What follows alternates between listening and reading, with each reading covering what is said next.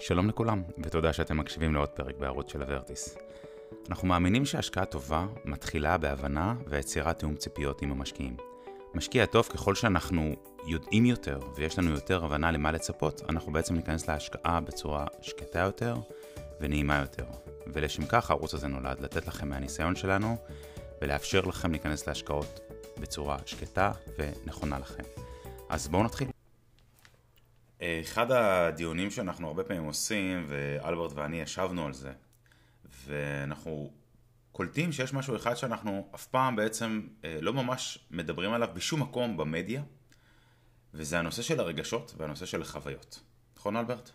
לגמרי. אתה יכול לפתוח את הרדיו, לפתוח את העיתונים, לפתוח בטלוויזיה, כל פעם יהיו לך פרסומות על השקעות של נדל"ן, השקעה בשטח, השקעה של אה, בבניין, השקעת פריסל, הזדמנות כזאת או אחרת שאף פעם לא תחזור, והנה הזדמנות של אה, לקחת אה, הלוואה בריביות מעולות ופריסת תשלומים מאוד מאוד נוחה, אבל מרגע שבעצם נתבצעה הרכישה ומתקדמים קדימה, יכולים להיות הפתעות לכאן או לכאן, והדבר שלא מדברים עליו הוא התחושות, הרגשות שיש בדרך. אה, בתהליך הזה. ועל הדבר הזה אנחנו רוצים לדבר מכיוון שאני גם בא, בא מהסיטואציה שאני משווק של הפרויקטים בחברה, אז יוצא לי לדבר גם עם המשקיעה וגם עם המערכת, עם אלה שאשכרה מדברים עם אנשי השטח ואלה שצריכים לתת תשובות מהשטח. אני אעצור אותו רגע ואני אגיד שמשקיעים יכולים לפעמים לחוות משהו לא נעים והם ממני לא ירגישו נעים לבוא ולשתף אותי. כי בסופו של דבר אני אביא את העסקה ואני מאמין בה והם לפעמים מרגישים, אני לא רוצה לפגוע במישהו ושהם יכולים לשתף את אלברט, תמיד טוב שיש עוד חוצצים והם יכולים לשתף אותו ולהגיד לו, שמע, חווינו משהו כזה או יש לנו תחושה כזאת וזה דבר חשוב. עכשיו, אני חייב לתת לכם דוגמה, אם היום תיקחו אה, רכבים אז תראו שמדברים איתכם בדרך כלל גם על הצריכת דלק או החשמל אבל מדברים איתכם על החוויית נהיגה ואיך זה לחיות עם הרכב, אבל אם אתם מסתכלים על כל המוצרי צריכה שמדברים בעיקר בפרסומות על חוויות ועל רגשות, לשם אנחנו בדרך כלל המשווקים פונים. אני אומר אנחנו, כן? גם mm. אנחנו משווקים, אבל הם פונים לרגשות, אבל שום דבר מהם זאת לא השקעה. זאת אומרת, רכב, בסופו של דבר אתם יודעים אם אתם רוצים או לא שאתם קונים, ואתם מפסידים כסף אם תרצו או לא תרצו. אבל זה משהו שמשרת אתכם. ובניגוד לזה, השקעה זה משהו שאמור לשרת אתכם במשך שנים. ובדרך כלל מי שמנהל נכון את ההשקעה שלו, אין סיבה שהוא יפסיד כסף. כל הזמן שההשקעה היא נכונה ואין פה נוכלות. לא מדבר על טעויות, טעויות קורות, אין סיבה שבן אדם אה, אה, יפסיד כסף. וזה הקטע הכי מצחיק, שבסופו של דבר אני כן יכול להתקל באנשים שיגידו, וואי, יש לי רכב מדהים והכל והכל והכל, בדברים האלה של מוצרי צריכה. אבל בהשקעות יכולה להיות, יכולה להיות להם יבש, השקעה מאוד מאוד טובה, על, על, על, כאילו בצורה יבשה. ובפועל הם לא מרוצים, ואז אומרים לך השקעה לא טובה, כי הם עשו את ההפרדה המוחלטת בין המספרים לבין החוויית, אה, נקרא לזה משתמש, או החוויית אה, השקעה. בראש שלהם הם כאילו רואים את הסיטואציה שהם קונים רכב, הם מבינים שזו התחייבות. אוקיי? הם מבינים שבעצם זה, המטרה של הרכב זה לא להכניס להם כסף. זה כמובן המטרה שלה זה לתת להם את הנוחות, את האפשרויות, את ה... להגיע לאנשהו. אז זה, זה של רכב. מהרגע שהם קונים נכס, המחשבה שלהם הולכת לכיוון אחר, לכיוון של משהו שהוא פרנסה יותר. איך זה ידאג לי, לפרנסה שלי, לפרנסה של הילדים שלי, של המשפחה שלי, ואיך זה יקלקל אותי, ואיך אני יכול לבנות פה משהו שהוא להרבה מאוד שנים. העניין הוא שכשמגיעות ההפתעות, אז, אז, אז, אז זה בדיוק נוגע בנקודה הזאת של אוי, מה קורה להכנסה שלי, מה קורה, הדבר הזה יכול לפגוע בי, במשפחה שלי, בילדים שלי, ואז כל הרגשות צפים, ואז הדבר הזה בעצם מתחיל להלחיץ. יש לזה עוד uh, סגמנט שחשוב להתייחס אליו, שאם תיקחו רכב, אנחנו כל החיים חיים עם רכבים. זאת אומרת, אנחנו יודעים למה לצפות, קנינו רכב, יכול להיות לו פאנצ'ר, הוא צריך טיפול פעם ב-100 אלף קילומטר או פעם בשנה, יש לנו לחדש את הביטוח, אנחנו צריכים לעשות טסט לרכב, כמה שזה כואב, אנחנו יודעים, אנחנו מכילים, אנחנו אומרים, זה החוק, it is what it is. ובהשקעות הרבה אנשים אין להם ניסיון, ובטח בסינגלים, הרבה אנשים זה השקעה ראשונה שלהם, וזאת חוויה ראשונה שלהם, אז הם לא יודעים למה לצפות. ולא משנה כמה שנציף את זה, ובשביל זה אנחנו עושים את הפודקאסטים האלה ואת המיני קאסטים, זה לתת כמה שיותר ידע, ואני חושב שבואו נדבר קצת על, באמת על הנושא של הרגשות, כי זה משהו שצריך פשוט לחפור עליו עוד ועוד ועוד, כי זה אמור להיות כמו רכב בסופו של דבר, שאתם מבינים למה אתם נכנסים, ואז אין סיבה שלא תהנו מההשקעה. זה לא אומר שיהיה מושלם, אבל גם רכב שעכשיו יש לכם פאנצ'ר ואתם תקועים ומחכים לגרר, אתם מתבאסים. אבל אתם לא מסתכלים על זה נקודתית, אתם מסתכלים ללונג טרם, הרכב משרת אותי, יש לי עכשיו סתם, אני נותן דוגמה, טויוטה אייריס, ואני מאוד מאוד מרוצה, אייריס אומרים, לא משנה. יאריס. יאריס, סליחה, מאוד מאוד. כן, לא משנה, מאוד מאוד מרוצה, הכל טוב, רכב מאוד מאוד אמין, אבל גם הרכב הכי אמין יכולות להיות לו בעיות. אז אותו דבר בהשקעות, יכולה להיות השקעה מעולה, צריך לדעת איך להסתכל עליה. אז בואו נדבר קצת אנחנו על... נדבר על, קודם כל, אגב, אנחנו ניתן כמה הזדמנות, סליחה שקטעתי, אנחנו נדבר על כמה... שלא יחזור על עצמו. אנחנו נדבר על כמה דוגמאות אה, ללא, אה, ללא שמות, אנחנו נדבר על כמה דוגמאות של סיטואציות, כדי שבעצם נוכל רגע להציף את זה, ולדון על הדבר הזה, ולנסות להבין מאיפה זה מגיע ואיך אפשר לה- להתמודד עם זה. אה, כמו שיונתן אמר, אנחנו ב- בעיקרון בפגישות, וגם בטרום פגישות, תמיד מדברים על הנושא הזה של תיאום ציפיות. אז כן, אנחנו מתאמים ציפיות, כן, אנחנו אומרים שוואלה, יש הפתעות, שיכול להיות הפתעות. לכאן, לכאן או לכאן. ויכולים להיות הפתעות בכל מיני תהליכים, הרי על תהליך של השקעה, רכישת נכס, אנחנו לא קונים פה, במקרה הזה שלנו, לפחות מי שעובד איתנו, לא קונה נכס חדש דנדש מהקופסה, מהניילונים, אז בעצם יש פה תהליך של רכישת נכס אה, שהוא, אה, שדורש שיפוץ, צריך לעבור תהליך של שיפוץ, תה- תהליך של אה, בדיקה של חברת הניהול, אחרי זה צריכה, חברת הניהול צריכה למצוא דייר, דיירים, כל הדבר הזה בעצם לוקח זמן, וצריך להיות מוכנים לזה, והתיאום ציפיות, כמה שנכין את, הד... את המשקיע, הוא יסיים, ברגע שהוא רוכש את הנכס, הוא די שכח את כל תיאום הציפיות, ואז הרגשות, אין מה לעשות, יציפו אותו, כמו שדיברנו, מאיזה סיבות זה יציף אותו. אז בואו נתחיל כדוגמה על אה, משקיע, שאיך אפשר, לא, אנחנו מנסים להבין איך להתמודד עם זה, אז אנחנו נציף את זה. אז אה, דוגמה נכס ראשון של משקיע שרכש לפני שנתיים, הוא קנה נכס, והנכס הזה, ידענו מראש שאנחנו קונים אותו עם דיירים בפנים. ומה שקרה זה שחשבנו שהדיירים האלה, אנחנו נוכל להוציא אותם תוך מספר שבועות, וכל התהליך הזה התארך. התארך משתי סיבות. אחד, כי הם עשו פשוט, הם עשו בעיות, מצד אחד הדיירים האלה, פשוט לא רצו, לא רצו לצאת החוצה. והדבר השני זה שהיינו בתהליך של בתי משפט בזמן קורונה. אז כל הדבר הזה ממש עיכב את התהליך, ובמקום שזה יהיה תהליך שתוך שלושה ארבעה חודשים הנכס יעבור שיפוץ, חברת הניהול תתחיל למצוא דייר וייכנס דייר וזה נכס שיתחיל להניב אה, תזרים, הוא בעצם משהו שנתקע לטווח ארוך, וזאת הפתעה לא נעימה, ווואלה, זה היה חבר שלי גם. זה חבר שלי שוואלה לא, היה, לא, לא רציתי שהוא יחווה דבר כזה. זה היה מבאס והיינו צריכים למצוא פתרונות יצירתיים בשבילו. אז מה אתה אומר יונתן? איך אפשר בכלל להציב את השיח הזה מול הלקוח ואיך אפשר לפתור את זה? אוקיי, אז אה, קודם כל זו שאלה מצוינת וגם דוגמה מצוינת. אני רוצה רגע להתחיל מהסוף, שדווקא, אה, שאמרת שזה שתי סיבות, אחד זה לקוח שעשה, של דייר שעשה בעיות, ושתיים זה הקורונה.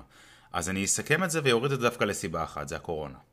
בסדר, ולמה? כי אנחנו עובדים, ואנחנו מציפים את זה מול הלקוחות, שאנחנו עובדים באזורים של רפובליקנים, שבסך הכל קל להוציא דיירים.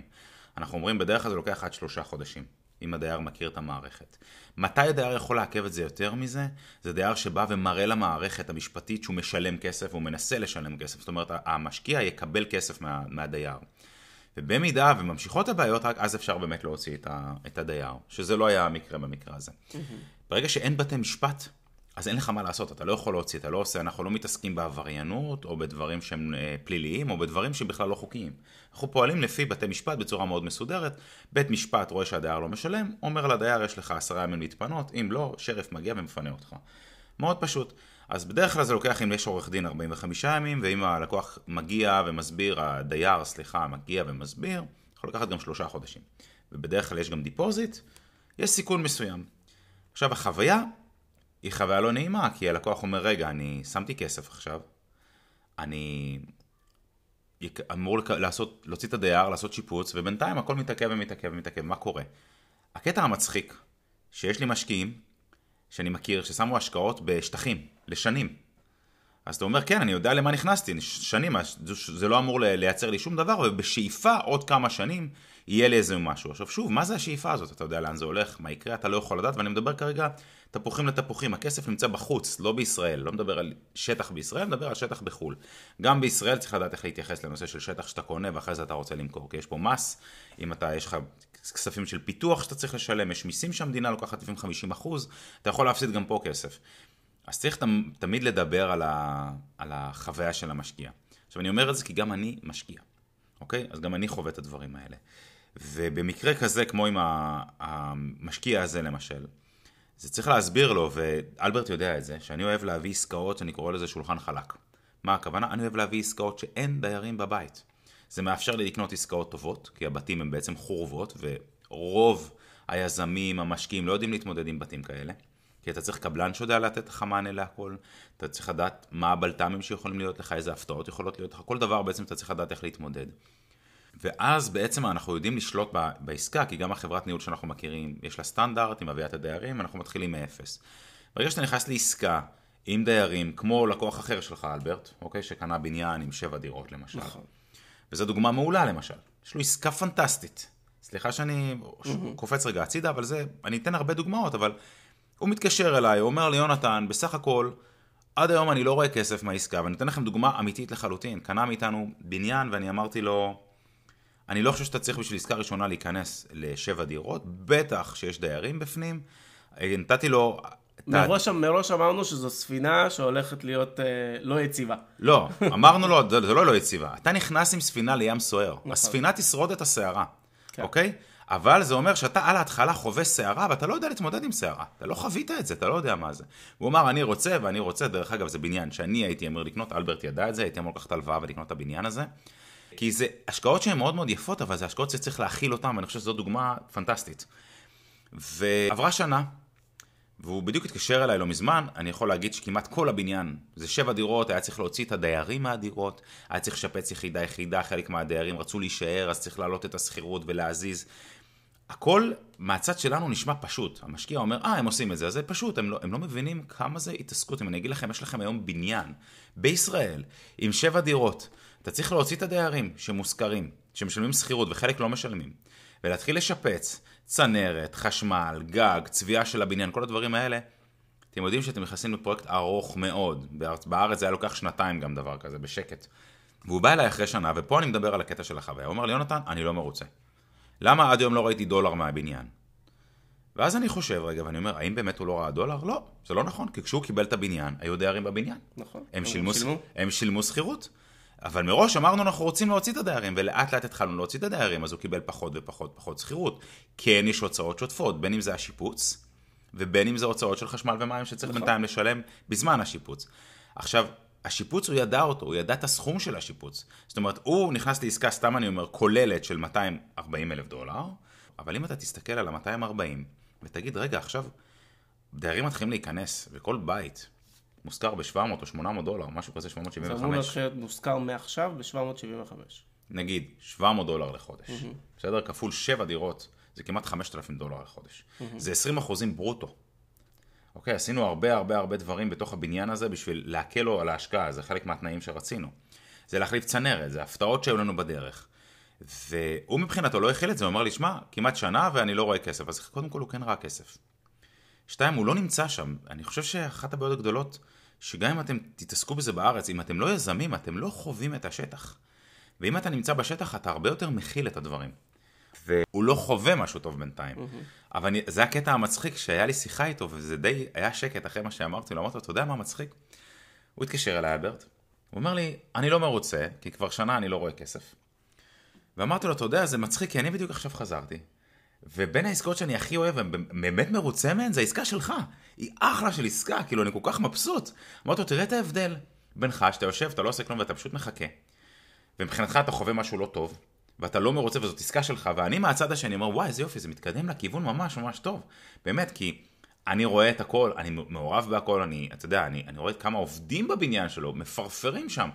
אבל אין מה לעשות, יש בלת"מים, יש הפתעות. בואנה, מדובר פה על בניין עם שבע דירות, זה לא נכון. משהו ש... גם כן. היה עניינים של מזג אוויר באמצע, זה... אתה, היה הרבה מאוד הפתעות בדרך, ושוב פעם, אנחנו עוד פעם מדברים על הנושא הזה של אנחנו נמצאים קרוב לצלחת, אפשר להגיד, אז אנחנו רואים הרבה מאוד מהדברים שה, שהרוב המשקיעים לא יכולים לראות לא, הוא גם שוכח משהו אז... חשוב. היה לנו מקרה שהוא היה צריך לקבל החלטה אם נפצל את החשמל או לא. נכון. לקח לו חודשיים לקבל החלטה, בחודשיים האלה לא עושים כלום. ואנחנו אומרים לו, צריך להמשיך. אז אתה לא יכול לבוא אלינו בטענות שאתה יושב וחושב, ואנחנו לא יכולים לעשות כלום, ועכשיו אנחנו לא בסדר שזה מתעכב. זה גם דברים שמשקיע לא לוקח אחריות. נכון. אז אני חושב שזה דבר חשוב לדבר עליו בקטע של אה, חוויה, מה עוד? זה עוד דברים שחווית עם משקיעים שלך. אז זהו, אז היה עם עוד משקיע, היה מקרה שבו הוא אמר לנו תקציב שהוא רוצה לעבוד איתו באזור ה-165-170 אלף דולר, ומצאנו לו עסקה בצפון קרוליינה, באזור שאנחנו פועלים בו, עסקה באמת מעולה. הבעייתיות ש... ש... שקיבלנו זה שמי שהביא לנו את העסקה, אמר לנו בהתחלה שזו עסקה כבר זמינה, אבל בפועל זו עסקה שעדיין יושבת בבית משפט ועוד לא קיבלה אישור סופי. ואז מה שקרה זה שהלקוח כבר היה מוכן, כבר שם, רשם את כל הפרטים שלו, שלחנו את המידע לעורכי דין, אבל כמובן עוד לא מעבירים כספים, כמובן עד שמקבלים אישור סופי מהבית משפט, ואז אומרים לנו שעוד לא התקבל אישור מהבית משפט, וזה משהו שיכול לקחת שבועות, וזה יכול גם לקחת כמה חודשים. ואז בעצם, זה עוד פעם, אתה מגיע לאיזו סיטואציה שבה אתה אומר, רגע, המשקיע כבר היה מוכן, כבר חשב שהוא בא לקנות את הנכס, ואז נעצר. איך את זה, איך את זה פתאום, אגב היום זה כבר הגיע למצב שבו הוא כבר, הוא כבר עבר חודש וחצי והוא אמר טוב בסדר אז אני, אני כרגע שם את העסקה הזאת בצד אני אחשוב על פתרון אחר.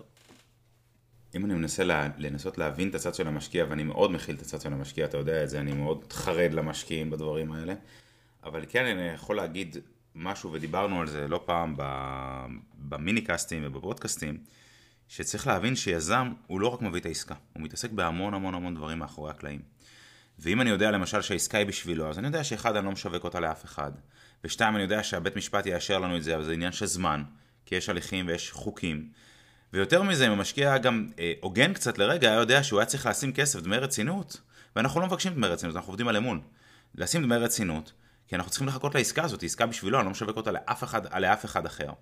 יותר מזה, אבל מה שקרה עם המשקיע, הוא גם הוא גם לא הסכים לקבל שום עסקה, עסקה חליפית. הוא אמר, אני רוצה את זאת, כי שום אזור אחר אני לא מרוצה. עכשיו, איפה הבעיה?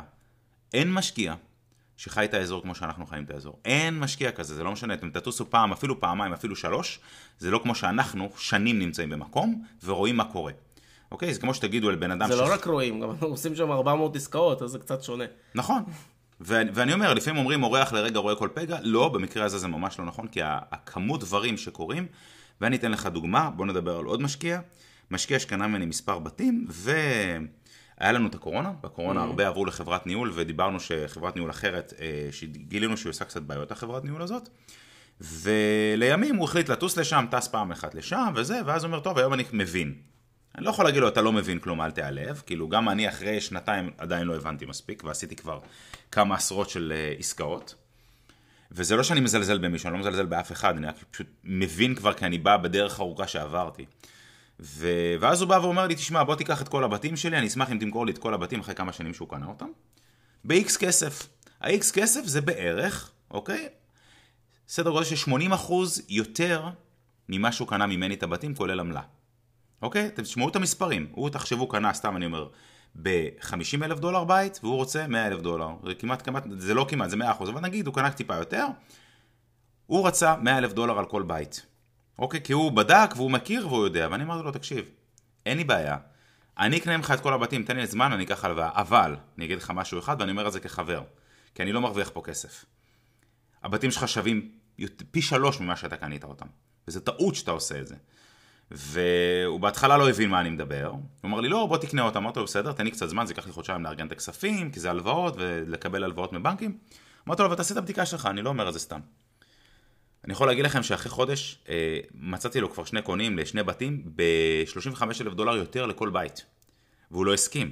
פתאום למה? כי באה מתווכת שמכרה לו בית אחד בהרבה יותר. ואני אמרתי לו הבתים שאתה רוצה עליהם 100 אתה יכול למכור, למכור אותם גם ב-170 ואמיתי לחלוטין. ופתאום מאותו רגע הוא נעלם. למה? הוא החליט לפרסם אותם בשוק המקומי, מתווכת מקומית, הכל בסדר, שכמובן עזרתי לו בתהליך הזה בהתחלה, אבל uh, תשימו לב, הוא מבחינתו בחוויה חווה כאילו השקעה שאולי לא מספיק טובה, אבל הוא הולך לעשות פי שלוש וחצי אפילו על הכסף שלו. ואם הוא לא היה מקשיב לי, הוא היה עושה אולי 80% וגם הוא היה אומר שהעסקה לא מספיק טובה. מבחינתו זו דעתי, מניסיון שלי עם האנשים. זה הכל עניין של חוויה, של איך הוא עבר את התהליך הזה, לא... ודווקא, ודווקא הדבר הזה שכולם מדברים עליו ברמה החסכלתנית, להסתכל על מספרים, הוא לא היה מוכן להסתכל כי, הוא, כי החוויה השתלטה לו על, ה, על הדבר הזה. אז יש לי פתרון. כן. חברים, אתם נכנסים להשקעה, הרגשות תמיד, תמיד, תמיד זה קיים, זה על השולחן. גם אני חווה את זה, גם אני, גם אלברט רואה אותי לפעמים אה, מתוסכל, אם פתאום יש לי בבית שלי יצאו דיירים ואני צריך לשפץ פתאום ב-15 אלף דולר, ולפני שנתיים שיפצתי את הבית, איך זה כזה הוצאה? איך יש לי כזאת הוצאה? זה יכול לקרות. אבל כשקורים כאלה דברים, כמו שאומרים, לא מדברים על בטן מלאה, תעצרו רגע, קחו אוויר, ותתחילו לרשום את הדברים על הדף.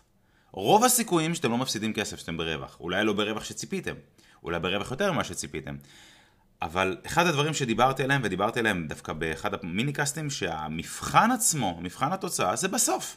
שיצאתם מההשקעה לגמרי, אוקיי? אז יש את החוויה, יש את המספרים, אבל בסופו של דבר, עד שלא מכרתם את הבית, יש לה פוטנציאל אדיר, יש לה פוטנציאל לא טוב, לא משנה, בסוף, כשמכרתם, אתם שמים את הכל על המספרים ואתה אומר, וואלה, עשיתי 100% בשנה על הכסף שלי, סתם דוגמה. Mm-hmm. בשלוש שנים האחרונות, זאת עסקה מדהימה. ואז תעשו את ההפרדה עם החוויה. אז אני אומר שיש בעיה, תעצרו רגע, ואני אומר את זה למשקיעים, ומי שעושה את זה, הוא באמת באמת לומד לחייך נקרא לזה. שים את הכל את המספרים על השולחן. קנית בית ב-60, עכשיו רוצים לך 20 אלף דולר, שאפילו לפני שנה שיפצת אותו. שים רגע את המספרים, תראה אם זה עושה שכל. עזוב רגע אם עשו נזק, לא עשו נזק בבית, אם מישהו מרמה לו. אני אומר, כרגע שים רגע, בוא נראה שהמספרים מדברים היגיון. מדברים היגיון, ההשקעה היא טובה, תמשיך קדימה. אנחנו נעזור לקבל את ההחלטה. משהו מרגיש לא בסדר, בוא נראה איך אנחנו מוציאים את זה מהשולחן.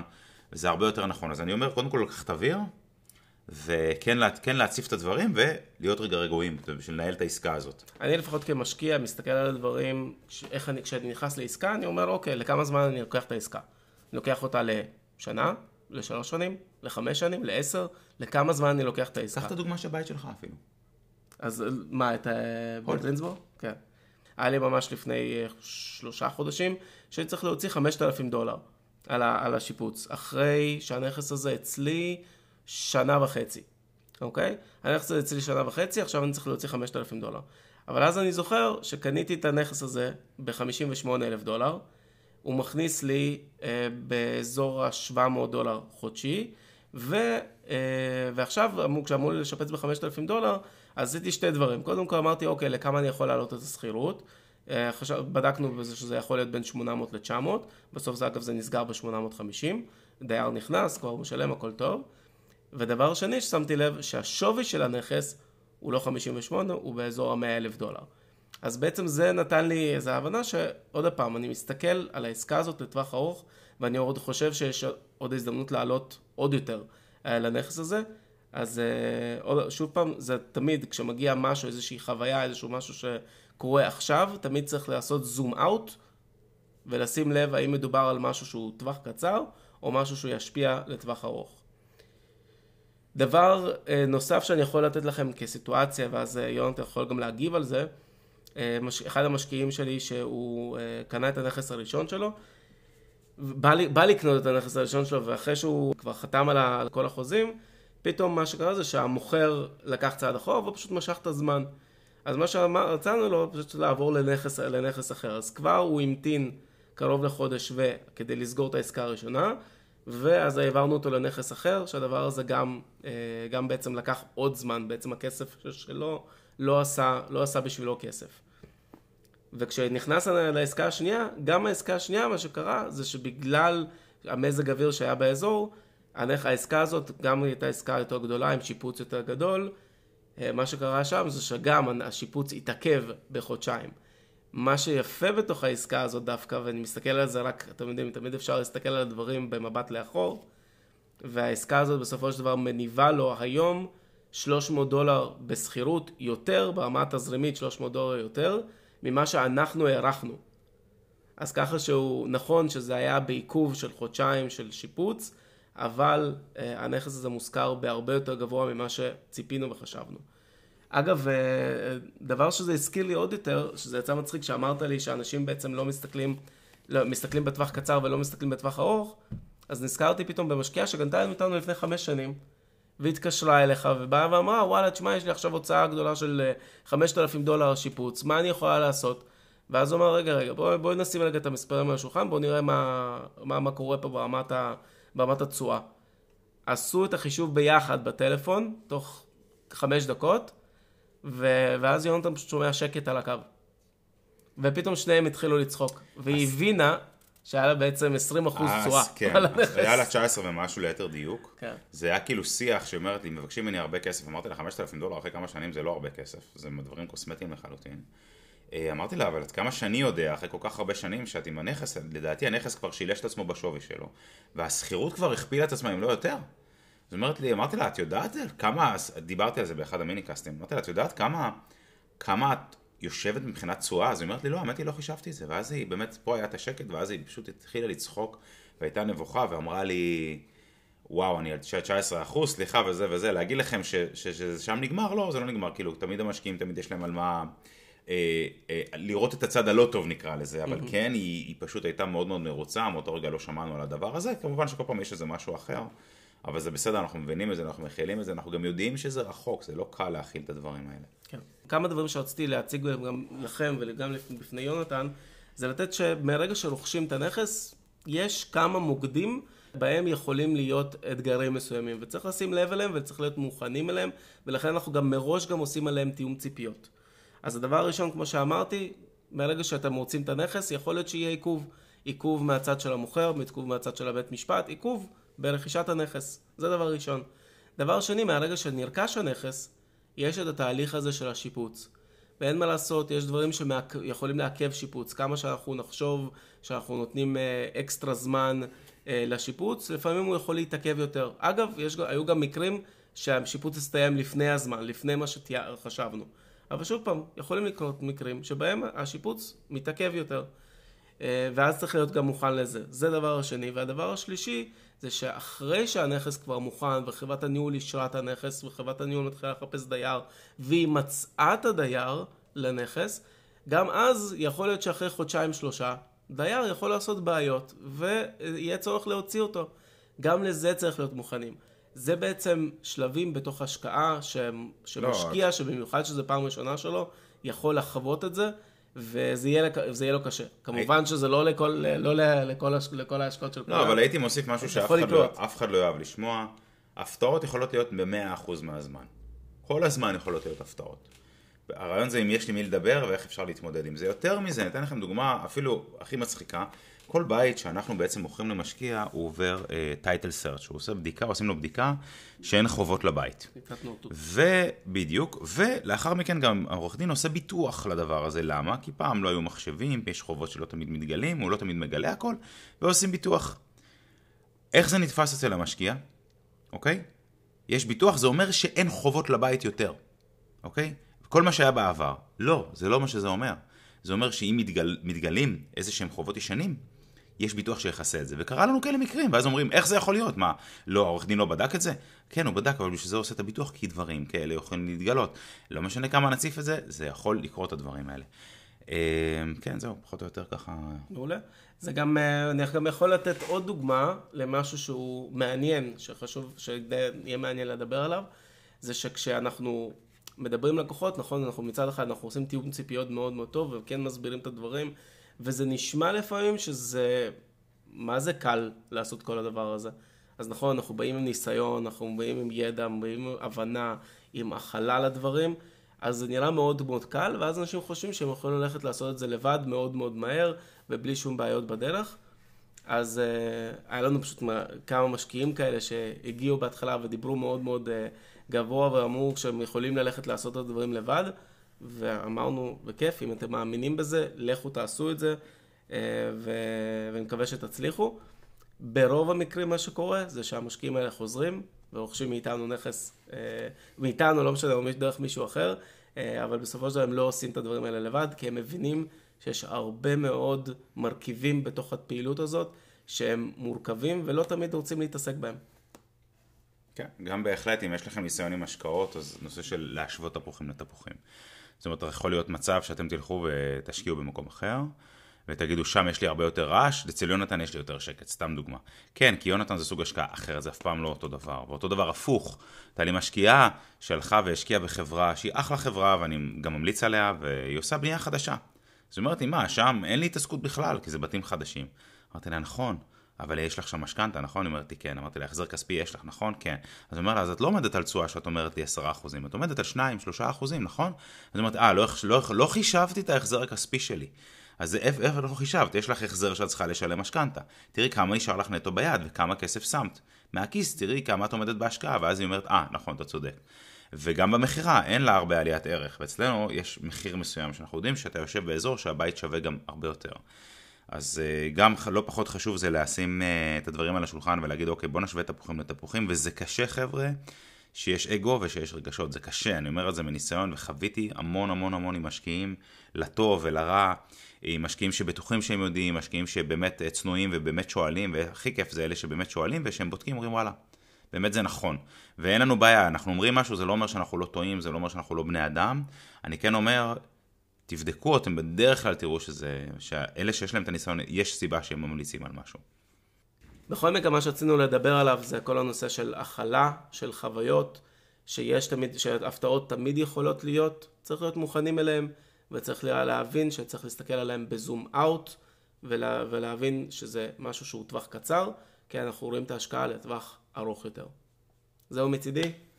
יונתן, מילים אחרונות? כן, אני מקווה, מקווה מאוד שנהניתם ושתרמנו לכם, אנחנו נשתדל כמובן שתמשיכו לשלוח לנו בקשות של דברים שאתם רוצים שנדבר עליהם, ונשתדל uh, תמיד לעשות עוד מיני קאסטים. תודה רבה. תודה רבה.